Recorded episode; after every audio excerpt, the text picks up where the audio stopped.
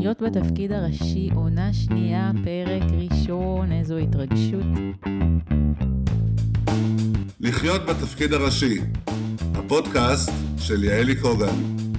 אה, והעונה הזאת תהיה עונה קצת אחרת. אני אשלב גם אה, פרקי סולו שלי מדברת אליכם, כי יש לי ככה הרבה הרבה תובנות ודברים שאני רוצה להעביר, ולהבהיר במה זה בכלל לחיות בתפקיד הראשי. וחשוב לי ככה גם להשמיע את קולי, אה, פרט לרעיונות עם האנשים המדהימים שאני מראיינת.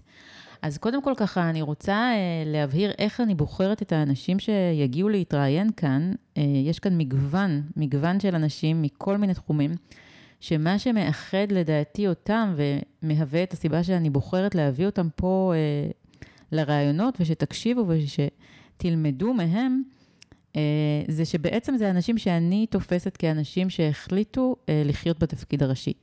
אז בואו נדבר רגע מה זה בכלל אומר לחיות בתפקיד הראשי. זה ככה, אני מנסה לענות על כל מיני שאלות אה, מהנקודת מבט שלי, המאוד מאוד אישית שלי, על מה זה אומר לחיות בתפקיד הראשי. אז אני מאמינה שאנחנו נולדים כשאנחנו יודעים. שאנחנו יודעים מה באנו לעשות כאן, ויש לנו איזשהו, אה, יש אנשים שקצת מפחדים מהמילה, אבל אני מאוד מאוד מתחברת אליה, ייעוד. יש לנו איזשהו משהו שבאנו לעשות, שבאנו להשאיר בעולם, להשאיר חותם אחרינו.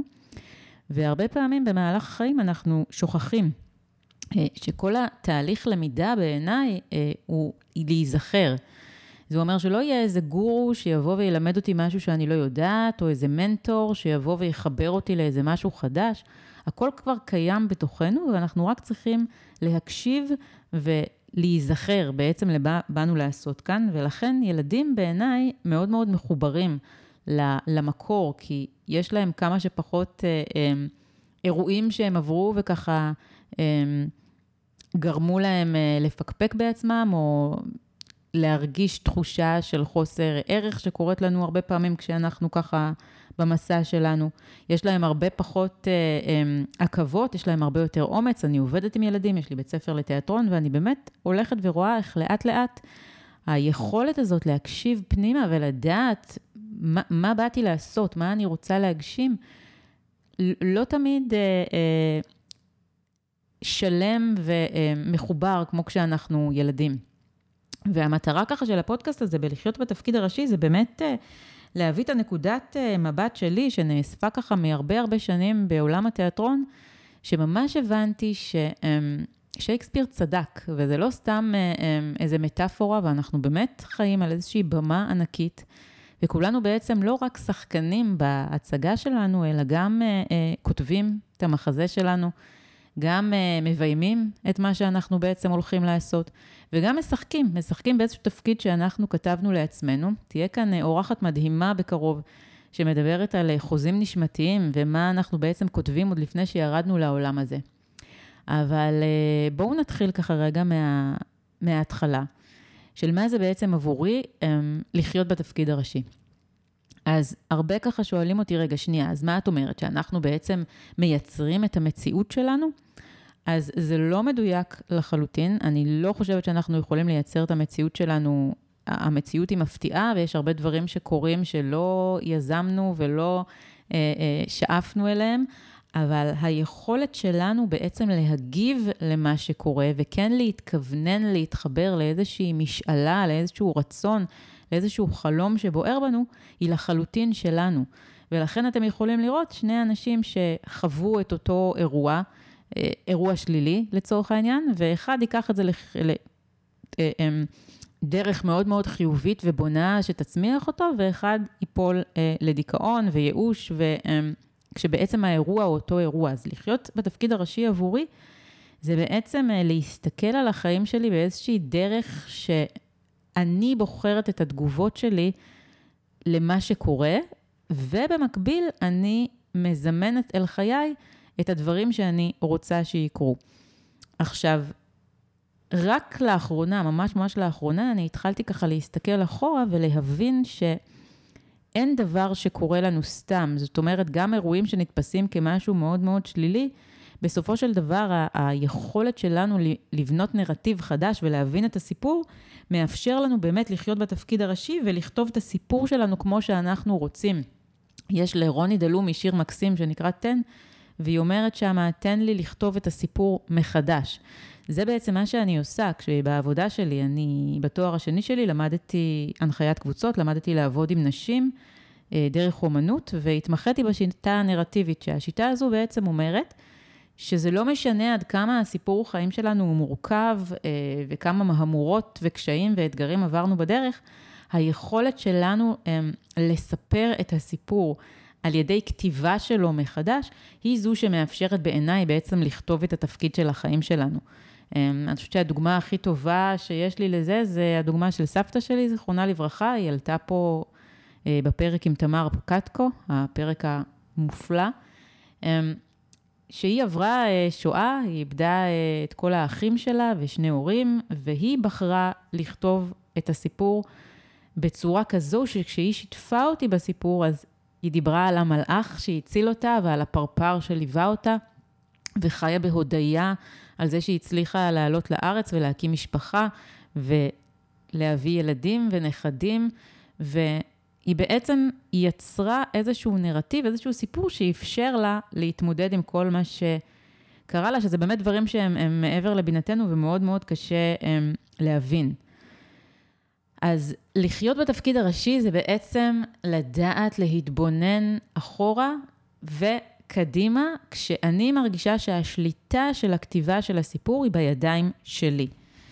ואני רוצה ככה לקחת אתכם לנושא הראשון שאני רוצה לדבר עליו היום, וזה הרצון.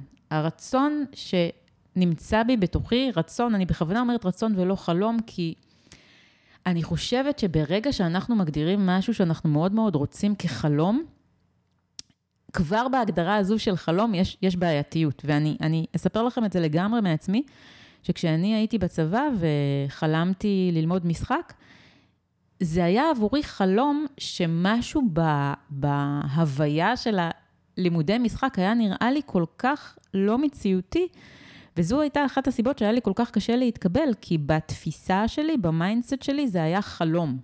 כשהסתכלתי ככה, אני זוכרת שבאתי לאודישנים לסמינר הקיבוצים, וככה הסתכלתי על אלה שהיו שם בשנה ג' ושנה ב', זה, זה היה נראה לי חלום, חלום להיות שם. אני חושבת שברגע שאנחנו לוקחים את החלום הזה, כל חלום שיש לנו, משהו שאנחנו ממש ממש רוצים לעשות, ומורידים אותו מה... מה... האשליה הזו של משהו שהוא כביכול בלתי מושג, כי יש משהו במילה חלום שהוא מרגיש בלתי מושג ולוקחים והופכים אותו לרצון, משהו שאני רוצה, מטרה, יעד, אז הרבה יותר קל להיות ב mindset שאני הולכת להגשים את זה. עכשיו, הבטחתי ככה שאני אספר, כי הרבה מכם שאלתם אותי אחרי הפרקים שעלו, איך היה לי אומץ אה, ללכת ולהיבחן לבית ספר למשחק אחרי שנכשלתי חמש פעמים. עכשיו, תבינו שאני נכשלתי לא out of the blue, החלטתי בגיל 20, אה, כשסיימתי את הצבא, ללכת ללמוד משחק. אני למדתי משחק כבר מגיל 12, באתי עם הרבה מאוד ניסיון בשירה ובמשחק, הייתי מאוד מאוד בטוחה בכישרונות שלי, למדתי שנה מכינה בבית ספר של יורם לוינשטיין, והייתי מהמצטיינים של הקבוצה, זאת אומרת, זה לא שהיה לי איזה חלום שהוא לא קשור למציאות, ו- ווואלה, לא התקבלתי. אז רק היום, בדיעבד, אני מבינה שזה לא, לא נכון לשאול איך היה לי אומץ להמשיך, כי לי היה ברור שאני אלמד משחק, זאת אומרת, זה בכלל לא היה אופציה מבחינתי להיכשל.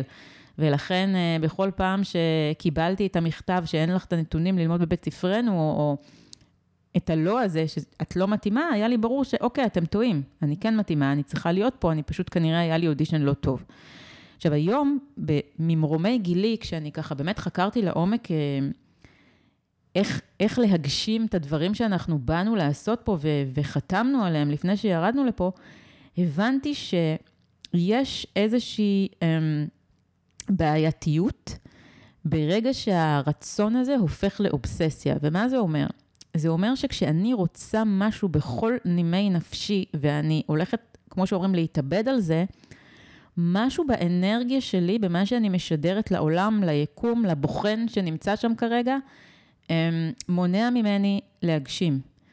וככל ככה שאני אני לומדת ומתקדמת בלימודים של אה, רוח, אני מבינה שאנחנו הופכים, אנחנו משיגים את הרצונות שלנו רק אחרי שאנחנו הופכים um, להיות האנשים שאנחנו רואים בדמיון. ו- ואני אסביר. אם אני עמדתי שם בתור אה, אה, אישה צעירה בת 20, והסתכלתי ככה על הבנות בשנה ג' בהערצה וקנאה, עד שאני, ב mindset שלי, לא ראיתי את עצמי בדמיון, יושבת שם על הבמה ומשחקת בהצגה, ולא באמת הרגשתי שאני, אמ, ראויה לזה, אז אין שום סיכוי שאני אתקבל, כי אני עכשיו כרגע בתדר של רצון, רצון חזק ועוצמתי, אבל האנרגיה שבה אני נמצאת היא לא תואמת את אותה יעל שאמורה ללמוד שם אה, בעוד כמה חודשים אה, ולשבת על הבמה. רק היום בדיעבד אני מבינה את זה, זאת אומרת, אני זוכרת שבאותה תקופה היה לי מורה למשחק מקסים במכינה של יורם לוינשטיין, סאסי, ו... והיו לי ממש שיחות איתו, הוא בהתחלה היה בשוק שאני נכשלת, כי אני הייתי מהמצטיינים של הקבוצה. אני לא מבין, אני לא מבין איך את נכשלת באודישנים, את, את שחקנית מעולה. ואז יום אחד ככה נפל לו האסימון, והוא אומר לי, אני חושב שאת רוצה יותר מדי. וכשרוצים יותר מדי, שום דבר לא הולך. ורק היום, בגיל 47, אני מבינה לעומק את מה שהוא בעצם אמר לי באותו, באותו מפגש. כשאני בתדר שרוצה יותר מדי, רודף, אה, אה, מרגיש שאם זה לא יקרה אז אין לי קיום, אה, לא יעבוד. ואם אני לוקחת את זה ככה, אני יודעת שמאזינים לי הרבה בעלי עסקים ובעלות עסקים, זה אותו דבר בעסקים. אם אני בשיווק שלי מרגישה שאני חייבת למלא את הקורס עכשיו, או אני חייבת שהמוצר הזה יימכר אה, אה, כדי אה, אה, לכסות איזשהו משהו שהשקעתי, יהיה הרבה יותר קשה. הרבה יותר קשה מאשר אם אני אבוא ברוגע ובשלווה, ואני אגיד, אני יודעת שאני צריכה ללמוד משחק. אני יודעת שאני צריכה בעוד כמה חודשים לשבת פה על הבמה כי זה הייעוד שלי, כי זה מה שהלב שלי רוצה, כי זה הרצון הגבוה שלי. זה הבדל מאוד מאוד מהותי. עכשיו, אצלי, מה שקרה באותה תקופה זה שהייתי כבר כל כך מיואשת, שהגעתי למצב שהייתי פשוט בוכה בלי הפסקה, זו הייתה תקופה כזו של איזה חצי שנה של אודישן, אני פשוט יושבת במיטה ובוכה, ומרגישה שאני, אני, אין לי, אין לי בשביל מה לחיות אם אני לא אלמד משחק, כי זה באמת היה משהו שלא היה דבר אחר שרציתי לעשות. ובאיזשהו שלב, אני חושבת שזה היה באודישן האחרון לאוניברסיטת תל אביב, שקיבלתי מכתב, שזה כבר היה פעמיים, ניסיתי להתקבל לשם, ובפעם השנייה שלא הצלחתי, הייתי כל כך בייאוש, שכבר לא, לא היה לי רצון. זאת אומרת, הרצון נעלם. הגעתי לאודישן בסמינר הקיבוצים בשלב של, עזבו אותי, לא אכפת לי, אני אתקבל, אני אתקבל, אני לא אתקבל, אני לא אתקבל, גם ככה אין לי שום דבר משמעות בעולם הזה, הייתי, הייתי פשוט בדיכאון לדעתי, ואז התדר של הרצון נסגר. והיה תדר הרבה יותר נקי, של פשוט באתי ועשיתי את האודישן, ועברתי. ואז כבר הכל הלך הרבה יותר חלק. עכשיו, למה אני מספרת את כל הסיפור הזה? כי אני חושבת ש... את התובנה הזו, אני, זה משהו שהלך איתי הרבה מאוד שנים, ואני רוצה רגע לחבר אתכם למי שמכיר את הספר המופלא של מיכאל אנדה, שנקרא הסיפור שאינו נגמר, יש שם קטע שהגיבור צריך לעבור שלושה שערים כדי uh, להגיע לאיזשהו מקום שהוא היה אמור להגיע אליו. והשער השלישי, זה השער שאני רוצה לדבר עליו, זה השער האין מפתח. שזה השער שאף אחד כמעט לא מצליח לעבור. למה? כי השער הזה אין לו מפתח, הוא נעול, ואפשר לעבור אותו רק ברגע שאתה שוכח למה אתה בכלל הגעת אליו. זאת אומרת, אני מגיעה לשער הזה, אני צריכה לעבור אותו עם כל הרצון והמוטיבציה, אחרי שעברתי הרבה הרבה הרבה הרבה הרבה דברים לפני. ומסע מאוד מאוד אה, ארוך, ואני יודעת שאני צריכה להגיע למה שנמצא מאחורי השער, אבל רק אם אני אשכח את הרצון, אני אוכל לעבור. ולקח לי הרבה מאוד שנים להבין את זה, ואני נורא שמחה שאני יכולה לדבר על זה עכשיו ולהעביר לכם את זה, כי זה באמת, זו תובנה כל כך, כל כך, כל כך חשובה. רק ברגע שאני שוכחת את הרצון שנובע מהאגו, מהאגו מה mind, ואני um, נכנעת לאיזשהו רצון גבוה ממני, זאת אומרת, אני מאמינה שהרצון האמיתי הוא רצון גבוה נשמתי, זה אומר משהו שכמו שאמרתי קודם, ירדנו איתו לעולם. רק ברגע שאני שוכחת את עצמי ומתמסרת ומגיעה לשלב של רגיעה וידיעה מוחלטת שאני הולכת לעבור את השער הזה, רק אז דברים זזים. עכשיו, אמרתי בכוונה את המילה ידיעה ולא את המילה אמונה. למה? כי יש הבדל בין אמונה לידיעה. יש להאמין במשהו, אני ממש ממש מאמינה שאני צריכה אמ, להצליח בתור זה וזה וזה. אני ממש ממש מאמינה שהפרויקט שלי ממש אה, ישנה חיים של אנשים, ולכן חשוב לי לשווק אותו, ואני יודעת שהוא יצליח, לבין ידיעה שקטה. אני בכוונה אומרת את המילה שקטה, כי זה איזשהו שקט פנימי שאני משדרת החוצה. ידיעה שהדבר כבר שלי. אני צריכה ללמוד משחק, אני כבר שם, זה כבר שלי. אני נכנסת כאן עוד יותר לעומק, ואני באמת מאמינה שכל הדברים שאנחנו חולמים עליהם ומסוגלים לדמיין אותם, כבר, כבר קיימים במציאות שלנו. זה אומר שאותה יעל שלמדה בסמינר הקיבוצים בשנה א', ב' וג', אחר כך עוד שנתיים בבימוי, היא כבר קיימת. ועל מנת שאני אצליח להגיע אליה, או לעבור את השער של האל מפתח, אני חייבת להיות באיזשהו סוג של רגיעה פנימית וידיעה. ידיעה אמיתית שהדבר הזה שייך לי. עכשיו, זה, זה מאוד קשה, כי כאילו אתם אומרים, רגע, רגע, רגע, שנייה, אז אם את, משהו, את רוצה משהו מאוד מאוד מאוד ואת מרגישה שהוא שלך, אז איך אפשר להיפטר מהרצון? זאת אומרת, איך אפשר להגיע למצב של שקט אם זה לא שלך עדיין? זה נורא קשה. זה באמת קשה, אבל זה האתגר, ואני חושבת שברגע שלומדים לעשות את זה, או להבין, להתבונן אחורה ולהבין מה עבד לי, זה הולך ונעשה יותר ויותר קל. כי אני ממש צריכה להתנתק מהתדר הזה, הרודף, ולהגיע לתדר שקט שיודע שאני צריכה להיות שם. עכשיו, אני אתן לכם דוגמה ממישהי שהייתה חברה שלי, שאני לא יודעת איך, היינו רק בנות 20 והיא, היה לה את זה. אמ, ואודישנים למשחק זה חתיכת סרט לבית, לבתי ספר למשחק. מגיעים אלפים כל שנה, מתקבלים לכל בית ספר משהו כמו 20, והיא רצתה ללמוד בניסן נתיב. עכשיו, ניסן נתיב זה בית ספר שכמעט אי אפשר להתקבל אליו. זאת אומרת, מתקבלים 15 בכל שנה, זה מה שהיה אז. היא גם רצתה, לדעתי, רק לשלוחה, לשלוחה בתל אביב, אני לא בדיוק זוכרת, אבל אני זוכרת שהיא באה והיא אמרה לי, אני אלמד בניסן נתיב. עכשיו, אני אמרתי, היא הזויה, כאילו, מה זה תלמדי בניסן נתיב? תעשי אודישנים לכל הבתי ספר, מה שתתקבלי, תגידי תודה. לניסן זה מאוד מאוד קשה להתקבל, כי גם אם את השחקנית הכי טובה בעולם, היה ידוע שהוא נוהג אה, להרכיב כיתות. זאת אומרת שהוא לוקח אחת מכל סוג, מכל טייפקאסט. זה היה נראה לי הזוי שהיא כאילו הולכת רק לשם. היא התקבלה. עכשיו, אני זוכרת שאני הייתי בהלם מזה, וגם את זה אני הבנתי רק בדיעבד היום. שהיא התקבלה כי היא לא באה לאודישן באנרגיה של אני חייבת להיות פה. שזה מה שהיא רצתה, אגב, היא רצתה ללמוד רק אצלו. היא באה לאודישן בתחושה של זה שלי. אני יודעת שאני צריכה להיות פה. עכשיו, זה הבדל מאוד מאוד גדול, להיות ב mindset שאני יודעת שמשהו הוא שלי, לבין אני נורא נורא נורא רוצה משהו. עכשיו, זה רלוונטי לכל תחום, לכל תחום. כל דבר שמישהו חולם ורוצה, ולא משנה באיזה גיל, והוא יודע בתחושה הפנימית שזה משהו שהוא נועד לעשות, אני חוזרת לנועד, ייעוד, זה משהו שאני חייבת להזיז את התדר שלי למצב הזה של הידיעה השקטה. אני יודעת שאני צריכה להיות שם, ולכן אני באה לעשייה שלי בצורה הרבה יותר רגועה.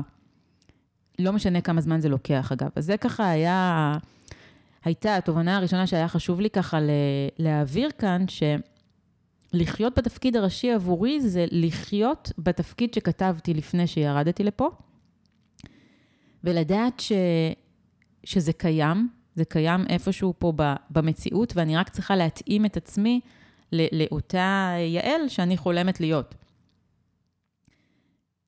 והתובנה השנייה שאני רוצה לדבר עליה זה מה קורה באמת אה, כשאנחנו יודעים משהו. ואני אתן לכם דוגמה אה, אחרת, שאני הפעם הייתי בכובע של הבוחנת, והגיעה אה, אליי ילדה, אה, נערה, ככה באמצע השנה, אחרי שהקבוצה כבר הייתה סגורה ולא היה מקום, והיו לי רשימות המתנה של ילדים שרוצים להיכנס לבית ספר לתיאטרון שלי.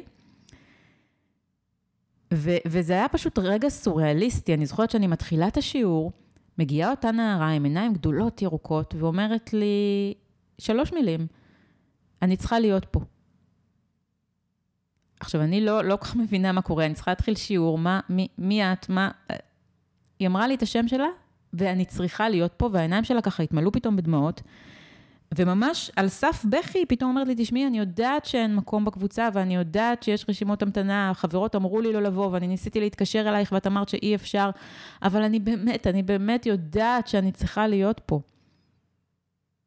אני זוכרת שהיה רגע שקט, ומשהו ב... ב בידיעה הזו שלה, בזה שהיא באה כל כך... Um, מפוקסת ומדויקת וחדורת מטרה, ו- ולא עניין אותה שאני הבמאית ואמרתי לה לא בטלפון, ולא עניין אותה שאמרו לה שאין מקום, ולא עניין אותה שום דבר, היא רוצה להיות פה. קיבלתי אותה. קיבלתי אותה והיא הפכה להיות באמת אחת הבנות הבולטות בתיאטרון. היא אפילו לא עשתה אודישן. אני פשוט, משהו באיך שהיא פנתה אליי, גרם לי להאמין לה שהיא צריכה להיות בתיאטרון שלי, שהיא יודעת היא יודעת משהו שאני עדיין לא יודעת. אז נתתי לכם כרגע שתי, שתי אה, זוויות של אותו נושא. שכשאתם יודעים משהו, ואתם יודעים אותו ב- בלב שלם, וזה בא ככה מהבטן ומהלב ו- ועם דמעות בעיניים, מי יגיד לכם לא? אף אחד לא יוכל להגיד לכם לא, כי, כי זה שלכם כבר. זאת אומרת, אותה נערה, אה, אה, היא ידעה שהיא צריכה להיות להיות שם.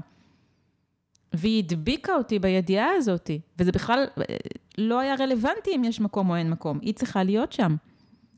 אז זה ככה משהו שממש חשוב לי להדגיש, ואני מקווה שאני מעבירה אותו ככה בצורה מדויקת, כי ממש ממש רק לאחרונה התחלתי להבין את העקרונות שעומדים מאחוריו. זהו, זה היה ככה הסיפור uh, מהצד השני. עכשיו, עוד דבר שאני רוצה להגיד, הידיעה הזו היא, היא קיימת אצלנו מילדות. זאת אומרת, ילדים יודעים, אם תשאלו ילד בן 4, 5, um, מה באת לעשות בעולם, או מה אתה רוצה לעשות שתהיה גדול, אתם תראו שהוא יודע. עכשיו, לאט לאט, um, כשעוברות השנים, אנחנו מתחילים לפקפק בעצמנו ולשכוח, לשכוח דברים שידענו, שידענו בתור ילדים. ואני רוצה ככה לשתף אתכם במישהי ש, שכולכם מכירים, ו, ושגם אני, כשהיא הייתה בת שמונה, ידעתי שהיא הולכת להיות אחת היוצרות הגדולות בישראל. אני מדברת על שי אמבר, הזמרת, אה, שאת אחותה רז ראיינתי פה באחד הפרקים. זה סיפור ככה שאני מצטמררת כל פעם שאני מספרת אותו, כי עבורי הוא, הוא סיפור של השראה. ואני חושבת שיש הרבה הרבה מה ללמוד ממנו. אז הייתי במאית ממש צעירה, עוד רק פתחתי את הבית ספר, ועשיתי אודישנים לתיאטרון, ומגיעה ילדה, בת שמונה, עם אימא שלה, והמון ילדים, עשרות של ילדים מחכים, ואני כבר באמצע האודישן ואני כבר עייפה, ואני זוכרת שאני ככה שותה את המים, ואני באמת כבר מותשת. והאימא הזו מגיעה ואומרת לי, היי, אה, אני גלית, אני אימא של שי. אה, שי אה, אמנם רק אה, אה, בכיתה א', אולי, זהו, היא הייתה אפילו פחות משמונה לדעתי, היא הייתה בת שבע. אבל אני ממש אשמח שהיא תיבחן. עכשיו, האודישנים היו מכיתה ג' או ד', אני כבר לא זוכרת. ואמרת, תשמעי, אני לא יכולה, אה, תחזרו בעוד שנה או בעוד שנתיים. והאימא ממש התעקשה שאני אראה אותה, והילדה ככה הסתכלה עליי, ואמרה לי, אני, אני באמת רוצה להיבחן או משהו כזה. והייתי כבר כל כך עייפה שלא היה לי כוח להתווכח, אמרתי, טוב, בסדר, בואי תעלי. והיא עלתה לבמה, אני בחיים לא אשכח את הרגע הזה, והיא התחילה לשיר, ואני נכנסתי לשוק. ממש ממש לשוק. זה היה כישרון שלא ראיתי לפני. ואני זוכרת שעצרתי את האודישנים, יצאתי החוצה, נרגעתי קצת, וכמובן שהיא התקבלה, ושנה אחרי זה היא כבר הייתה בתפקיד ראשי אה, בהצגה, במחזמר. גם פה היה סיפור על, על אימא שככה עמדה מאחוריה ותמכה בה, וילדה שידעה בדיוק מה שהיא רוצה, והיא הגיעה לאודישן למרות שזה לא הגיל שרשום, ולמרות שאמרתי לה שאי אפשר. אבל אני חושבת שמה שידעתי באותו רגע על אותה שי, היה לי ברור שזו ילדה שהולכת להיות אחת היוצרות הגדולות בישראל. עוד לא ידעתי בכלל מי ומה היא, אבל משהו ב... אמ, במה שהיא שידרה, ממש גרם לי לראות אותה, ואני כל כך כל כך שמחה לראות פרסומים שלה עכשיו על הופעות ועל תקליט שיוצא ועל שיר חדש שהיא כתבה ועל הערכה האדירה שהיא מקבלת אה, מכל כך הרבה יוצרים מוערכים בישראל, וזה לא מפתיע אותי. זה לא מפתיע אותי, ואני רוצה כאן לדייק שתי נקודות נורא נורא חשובות. כדי להיות ב... ב בנקודת ה... אמ, באלמנט שלנו, באלמנט של ההצלחה, אנחנו גם צריכים להיות מאוד מאוד נאמנים לעצמנו. תמיכה תמיד עוזרת, זאת אומרת, אם יש לי הורה שתומך בי, ובאמת שי זכתה לשני הורים מדהימים שתמכו בה לכל אורך הדרך, זה מאוד מאוד מאוד עוזר. אבל אם אני יודעת ואני לא שוכחת מה באתי לעשות פה, אז אין, אין, אין, אין מקום שהוא רחוק מדי, כמו שאומר ריצ'רד באך. וחשוב לי ככה להדגיש את זה גם, גם לכל מי שהורה ו, ומקשיב לי, כי הילדים שלנו יודעים, הם יודעים, הם יודעים, הם יודעים, הם יודעים, ולכן לנו יש אחריות כ, כהורים לתת להם את כל המרחב ואת כל החופש לבחור מה שהלב שלהם בא, בא לעשות פה. זה ככה עוד נקודה שהיה לי חשוב, כי גם לנו יש תפקיד בלעזור להם לחיות בתפקיד הראשי של החיים שלהם. אה, עוד דבר שאני רוצה ככה להדגיש בפרק הזה, זה שאין בעיניי רגע שבו אנחנו כבר מבוגרים מדי להגשים משהו, או, או שמאוחר לנו מדי לייצר משהו. אני תמיד מספרת על המפגש שלי עם אה, אנה הלפרין, זיכרונה לברכה, ש... הייתי בסדנה אצלה, בסדנת, אה, לא, סדנת מחול זה, זה, לא, זה לא שם לקרוא לסדנה המדהימה הזו, אבל היא הייתה כוריאוגרפית מאוד מאוד ידועה בעולם, ובגיל 97 אני זכיתי לפגוש אותה בבית שלה בקליפורניה, ולעבור שם איזושהי סדנה מאוד מאוד משמעותית. ואני זוכרת שהמשפט הראשון שהיא אמרה לנו כשעמדנו ככה במעגל ונתנו ידיים, זה גיל 97 זה גיל נפלא להתחיל אה, חלום חדש. אז גם את זה חשוב לי ככה לדייק, כי אני יודעת שהמאזינים שלי הם ככה מאוד מאוד מגוונים, ויש לי הרבה מאזינים שרובם, לפי הסטטיסטיקות, הם ככה בני 40, 40, 45 ומעלה, מעלה, מעלה. אה, תקשיבו לפרק עם איזי, עם איזי רוזוב. אמ, אין, אין באמת גיל ל, לרצון או לחלום או לאהבה חדשה, או להתחיל משהו חדש, או לעשות שינוי, או um, לכתוב לעצמי um, הווה חדש? אין. זאת אומרת, כל עוד אנחנו כאן ואנחנו אמ, עם איזשהו קול פנימי שמדבר אלינו, אז הכל פתוח. גם מי שכרגע נמצא באיזשהו משהו, איזושהי נקודה שהוא מרגיש שזהו, כבר מאוחר מדי, אין באמת דבר כזה. אמ, וזה גם משהו שככה חשוב לי להדגיש ולדבר, ובאמת יש כאן פרקים בעונה הראשונה עם הרבה מאוד אה, אנשים ש... שהצליחו להגשים רצונות מאוד מאוד עמוקים בגילאים, אה, לא, לא בגיל 17, לא בגיל 20, אלא בגילאי 40 פלוס. אה, יש את הפרק הנפלא עם עדי לביא, והפרק עם אה, רותם ניר נחמיאס, והפרק עם איזי רוזוב, או הפרק עם חגית מעוז המדהימה, שכל הזמן יוצרת לעצמה חלומות ורצונות חדשים. אז זה גם משהו שככה ממש ממש חשוב לי להדגיש.